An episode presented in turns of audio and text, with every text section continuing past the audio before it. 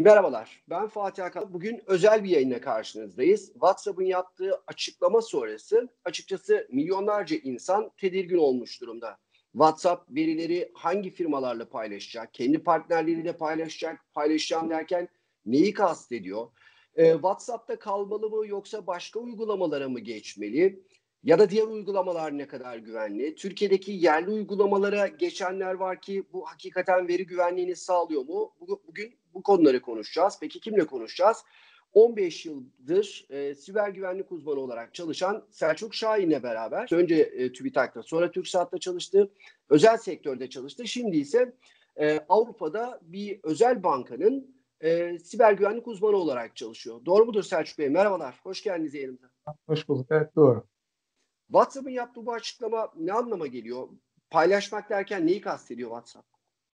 Yani aslında WhatsApp'ın yapmış olduğu açıklama e, okunursa hani böyle öncekiyle şu anki durum arasında olağanüstü bir fark olmadığını e, zaten görmek mümkün. Fakat e, WhatsApp bunu ilk defa yaptığı için hani daha öncesinden e, sadece e, kendi almış olduğu verileri e, başka hiçbir firmayla WhatsApp firması haricindeki bir firmayla paylaşmadığı için ve bunu ilk defa yapmış olduğu için e, bu biraz endişeyle karşılandı. E, değişmeyen şeyleri ben önce isterseniz söyleyeyim. E, öncelikle kişilerin birbirleriyle yapmış oldukları sohbetler, dosya paylaşmaları, video paylaşmaları, ses paylaşmaları WhatsApp bunları e, zaten paylaşmıyor, zaten erişemediği için paylaşamıyor. E, burada bir değişiklik yok. Yani. Şimdi bir saniye Selçuk erişemediği için derken bizim bütün datamız, verimiz bir serverdan gidiyor ve o server'a o server WhatsApp'ın ve daha sonrasında başka bir kişiye ulaşıyor ama siz diyorsunuz ki WhatsApp buna erişmiyor. Ya bu hı hı, bunu dediğinizde insanların kafasında ya olur mu canım gidiyorsa oraya bakıyorlardır, erişiyorlardır diye bir düşünce oluşuyor. Şöyle e, end-to-end encryption denilen bir yöntem uygulanıyor. Uçtan önce şifreleme de denebilir buna Türkçe. Yani benim bilgisayarımda ya da telefonumda, telefonumda zaten bir bilgisayar, e, şifrelenen veri e, karşıdaki bilgisayara ya da telefona gidene kadar e, şifreli bir şekilde gidiyor ve sadece karşıdaki bilgisayarın ya da telefonun ile benim aramda paylaşılan bir şifreyle açılıyor. Dolayısıyla yani WhatsApp e, buna erişemiyor. E, bu konuda bir değişiklik yok WhatsApp'ın politikalarında. Yani bununla ilgili herhangi bir değişiklik yok. Peki. Bu konuda problem yok. WhatsApp e, yani ne kadar WhatsApp'ı kullandınız, WhatsApp'taki versiyonunuz, pil durumunuz ve eğer izin verdiyseniz ve konum bilginiz, e, IP adresi işletim sisteminiz telefonundaki veya bilgisayarındaki bunları zaten bir şekilde alıyordu. Fakat e, bunları almasında bir değişiklik yok. Bunları zaten WhatsApp hala alıyor. Şimdi değişmeyen şeyler bunlar eskisiyle aynı. Değişen aslında e, çok az şey var. Şöyle fakat psikolojik olarak tabii yeni bir adım olduğu için, daha önce görmemiş olduğumuz bir şey olduğu için psikolojik olarak biraz insanları etkiledi. E, WhatsApp e, şunu diyor, WhatsApp e, Facebook e, Companies diye bir tanımı var Facebook'un. Bunun altında 6 5-6 tane e, Facebook'a ait olan, e, Facebook çatısı altında olan firma var. WhatsApp bunlardan bir tanesi. E, WhatsApp bu yeni politikası da şunu diyor. Ben almış olduğum verileri mesajlarımız değil, gidip gelen mesajlarımız değil. Bu az önce saydığım IP adresidir. Efendim internet tarayıcısıyla kullanıyorsanız web üzerinden onun browser bilgisidir. İzin verdiyseniz konum bilgisidir. Bu bilgileri artık bu Facebook Company istediğim e, bu firmalarla da paylaşacağım diyor. E, tabii ki şeyi okuduğunuzda bu e, gizlilik politikasını okuduğunuzda şöyle bir ibare de var. Ben bu verileri aynı zamanda yani almış olduğum bu verileri e, kendim işleyemez isem e, bunları outsource, bir firmaya outsource edebilirim. O firmanın onu işlemesini sağlayabilirim. Bu şekilde onlarla da paylaşabilirim demek istiyor. Paylaşabilirim derken yani bir firmayı ben tutarım. E, kendi yazılımcılarımı kullanmadan bu firmanın yazılımcılarını kullanarak bu verileri işleyebilirim diyor. Durum e, değişen şey bu. Yani insanların e, tabii biraz şaşırdıkları şey önünüze WhatsApp açtığınızda bir ekran çıkıyor ve bunu 8 Şubat'a kadar onaylamazsanız basılı bilgiler kullanmayacaksınız diye böyle sert bir ifade var. Şimdi burada e, bu bilgiler zaten paylaşılıyordur. Bir bilinçli bir kullanıcı değilseniz hani WhatsApp'ın gizlilik ayarından ben bu bilgileri payla, paylaşmak istemiyorum e, kutucuğunu seçmediyseniz zaten bu bilgileriniz e, Facebook'un diğer e, firmalarına gidiyordu. Ama Şimdi Facebook bu imkanı ortadan kaldırdı. O öyle bir kutucuk yok artık. Bu bilgileri e, kullanmak istiyorsanız eğer WhatsApp'ı bu bilgileri artık kesinlikle paylaşmak zorundasınız. Bu tabi Avrupa Birliği ülkeleri için geçerli değil. Avrupa Birliği ülkelerindeki e, insanlara da bu mesaj geldi.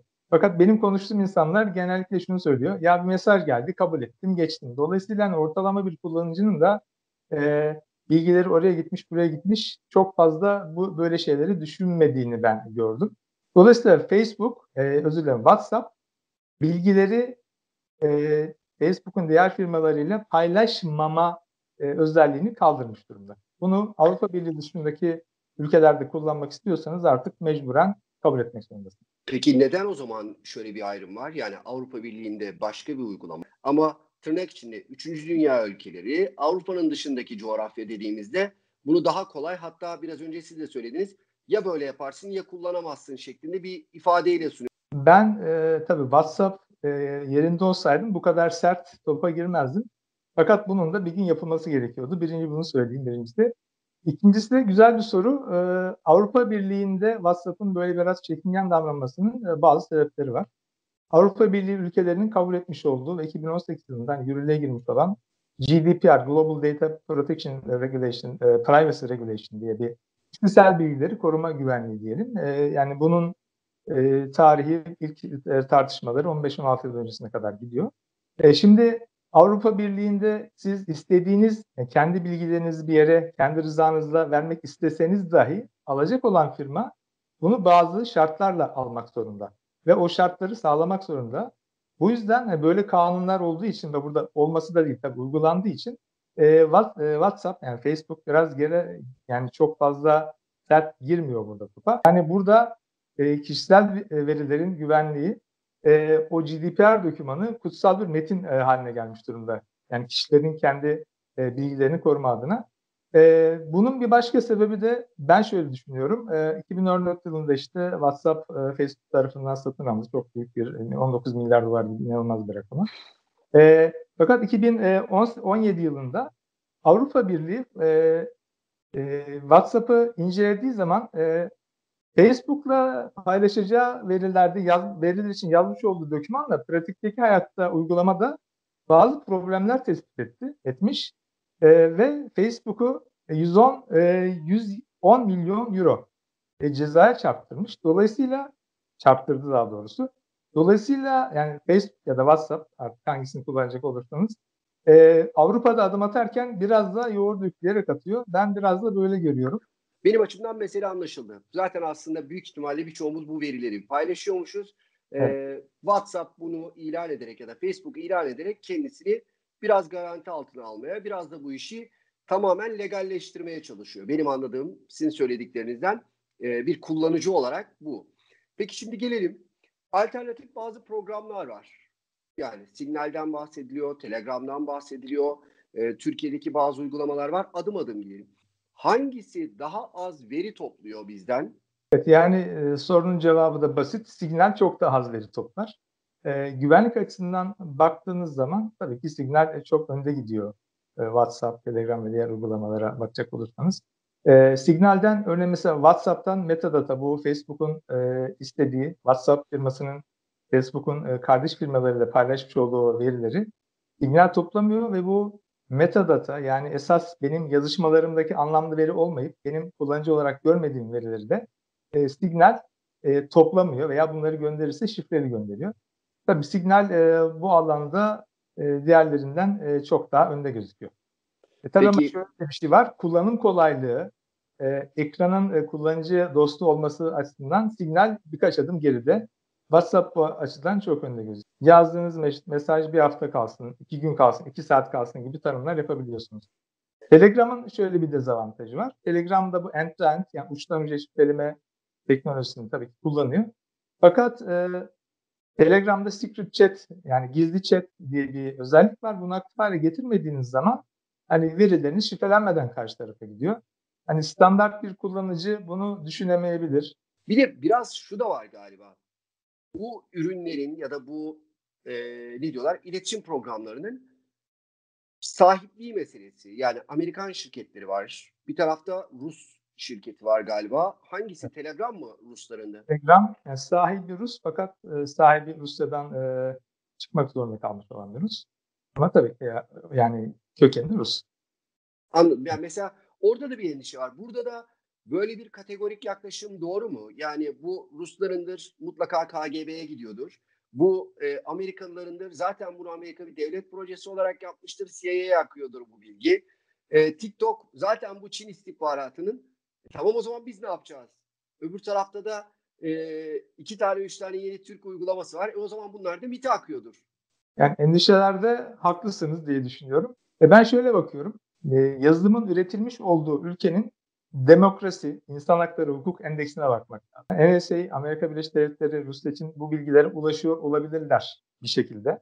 Bir sürü yolları vardır diye düşünüyorum.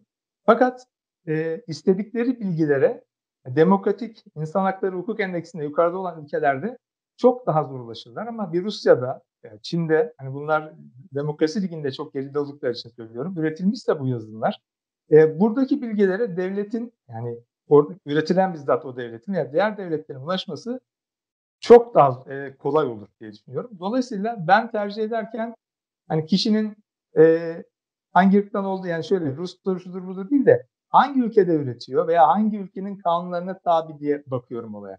Şimdi ben cevabımı aldım.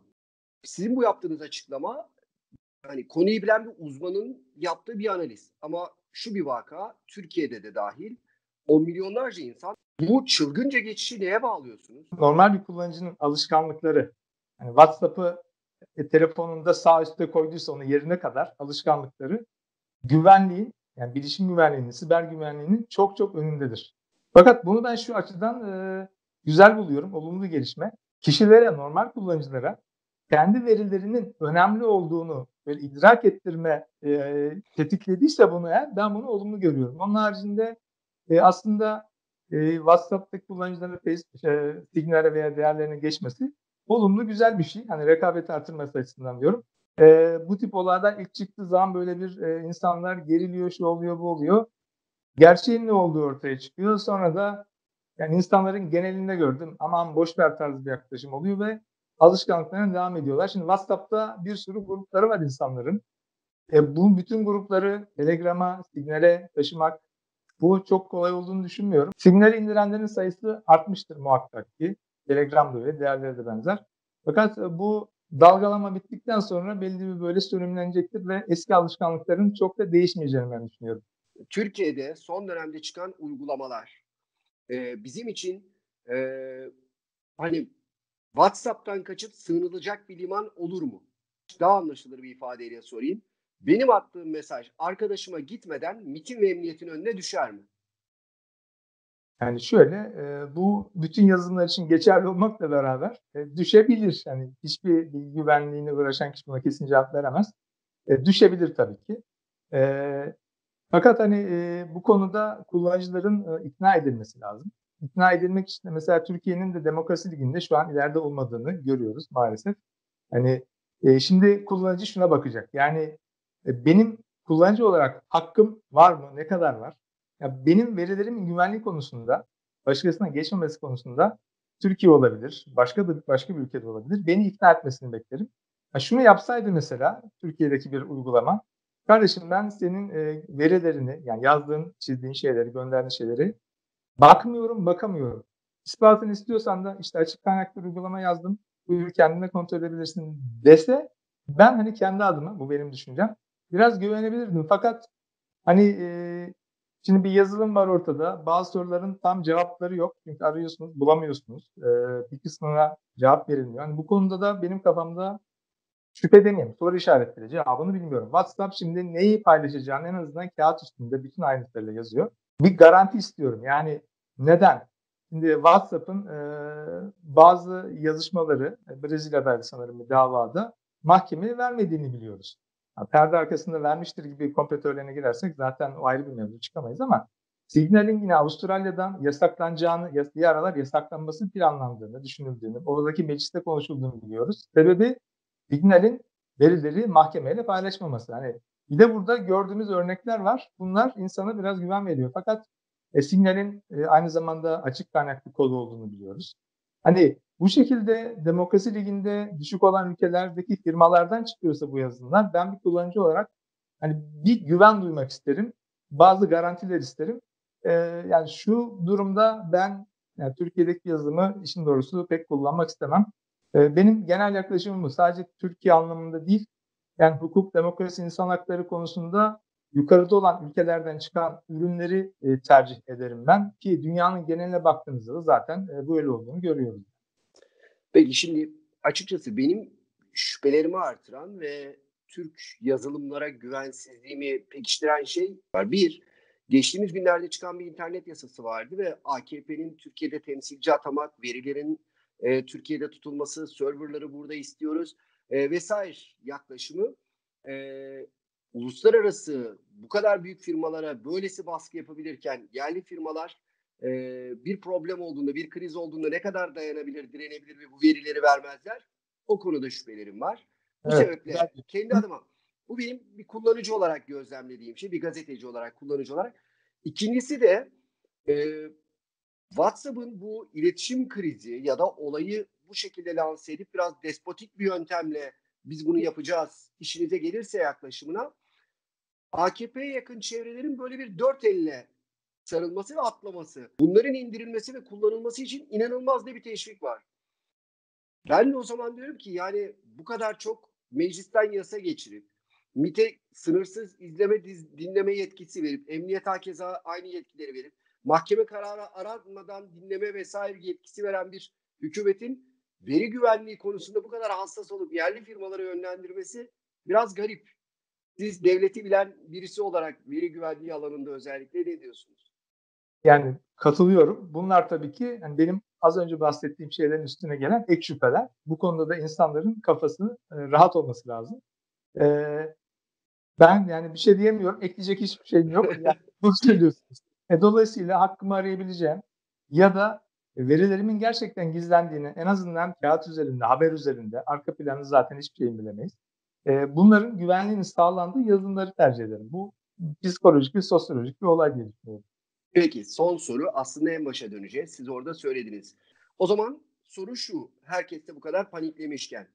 Hangi firma olursa olsun karşımızda. ister Amerikalı, ister Avrupalı bir şirket, ister Rus, ister Çin, istersek yerli ve milli e, yazışma programları.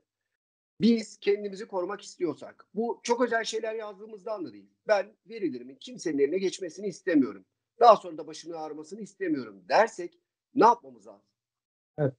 Şimdi bir yaklaşım da şu, ben zaten gizli bir şey yazmıyorum. Kim alırsa alsın. E, ben buna katılmıyorum. Ben birine selam verdiysem de bunun başkaları tarafından görülmesini istemem. Benim verim kıymetli. Ben bunu minimum anlamda paylaşmak isterim gibi bir e, eğilime sahip olması lazım.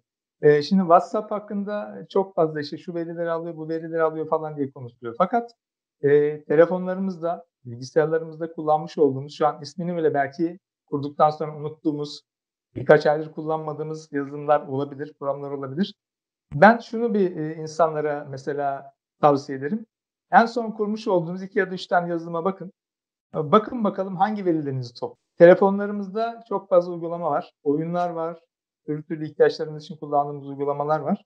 E, bunların toplamış olduğu veriler gerçekten inanılmaz boyutta. Kurmuş olduğunuz, olacağınız her yazılım için e, bu şuurda olunması lazım. Bir web sayfasına giriyorsunuz hemen bir e, çerez bilgisi çıkıyor. Şu bilgilerinizi alabilir miyiz diye. Yani hani bunlara bakıyor musunuz? Bakıyor muyuz? Hani ne topluyormuş ya gerçekten? Baksak da bir şey değişiyor mu? Özür dilerim. Mesela ben gireceğim bir web sayfasına. Kocaman ekranı kapatan bir şey var. Bunu onayla diyor. Şimdi ya tek tek onaylayacaksınız ya hepsine birden tamam deyip geçeceksiniz. Benim orada okumak istediğim bir haber var. Hı-hı. Hepsi deyip geçiyorum mecbur. Ee, bazı mesela bu gizli modda çalışan browserları kullanabilirsiniz. Okuyabilirsiniz. Bir sayfada bu cookie ekranda çıkıyorsa ben bu bilgiye başka bir sayfadan erişebiliyorsam onu tercih ediyorum. Ya da erişemiyorsam bakıyorum. En sonunda şu var. Hepsini reddettiğiniz zaman reddetme imkanı sunan yerler var. Kaydet ve ilerle dediğiniz zaman hepsini reddedip ilerleyebiliyorsunuz. WhatsApp'a verdiğim bilgiyi Facebook'un diğer e, firmaları kullanacak bundan endişe ediyorum diyorsa bir insan e, diğer kullanmış olduğu yazılımlarla ilgili de yani bu endişeyi taşımalı. Bir temizlik robotu alıyorsunuz. Mesela onun yazılımını kuruyorsunuz. Diyor ki ben senin rehberine erişmek istiyorum. Hani buna izin mi vereceksiniz? Bence telefonunuza bir bakın. Son kurduğunuz iki yazılım ya da üç yazılıma izleyenlere tavsiye ederim. Hangi verileri erişiyor? WhatsApp'la bir kıyaslayın. Kullanmış olduğumuz her program birçok bilgi alıyor. Sadece WhatsApp değil. Hatta bir makalede okudum. WhatsApp bu alanda ilk 40'ta bile değil yazıyordu. Ee, ben şunu yapıyorum. Bir kullan, mesela bir oyun kuracaksınız. Basit bir şey. Çocuğunuz oynayacak. Gerçi bu oyunun e, ilgisi olmayan şeylere erişim hakkı istiyorsa bunu kesinlikle kurmuyorum. Birincisi bu. İkincisi bankacılık işlemi yaptığınız bir cep telefonunuz, tablet, bilgisayar. Buraya gereğinden fazla bir e, yazılım program yüklememek. Çünkü kurduğunuz her bir program, her bir yazılım bir risk, başka risk kapıları açıyor. Ayrıca hani daha çok bilinen, e, büyük diyebileceğimiz firmaların yazılımlarını kullanmayı tercih ediyorum açık kaynaklar hariç.